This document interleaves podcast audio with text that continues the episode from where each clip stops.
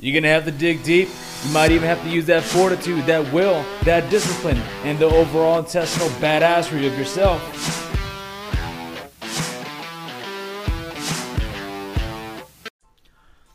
Hey guys, it's Rico on the radio. Thanks for joining in and thanks for hanging out.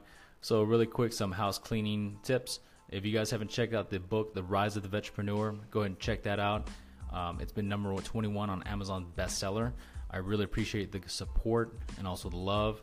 Uh, remember, guys, I wrote the book for us, by us, for veterans, by us to capture that journey, that trials, tribulations, the heartache, the pain of owning your own business, whether you own a small barber shop, whether you own a convenience store, whether you own a digital forensics firm, or whether you own anything. I wanted to capture the journey of how we do our veteran core values from our designated branches of services and how we beat all the obstacles and odds. So phase one was an interview a bunch of uh, veterans such as Grunt Style, 18 Series Nutrition, and stuff like that.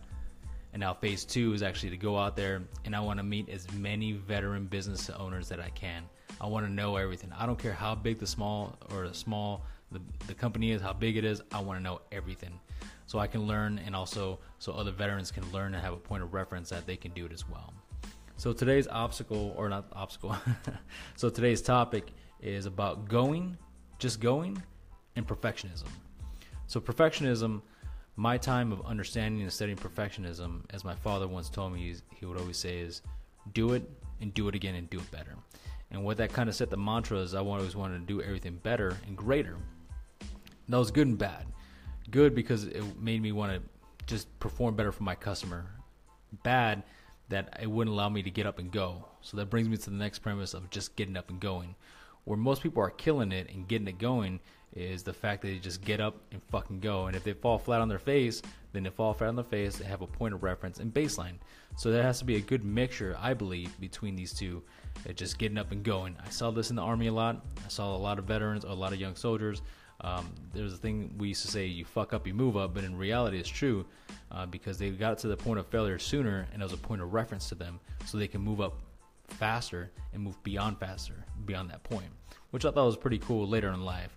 Then I just thought, you know, you have a bunch of fuck ups and they're just moving up, and that's not fair. But now that I see the retrospect and light, it's uh, it's interesting dynamic.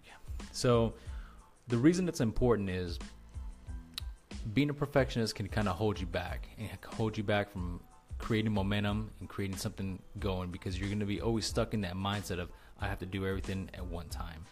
So what I would say is just get up and go. Whether you want to do some jujitsu, whether you want to go run five miles, whether you want to be a good boyfriend, whether you want to be a good business owner, just start getting up and going. You're gonna hit a point of failure, but just get up and go.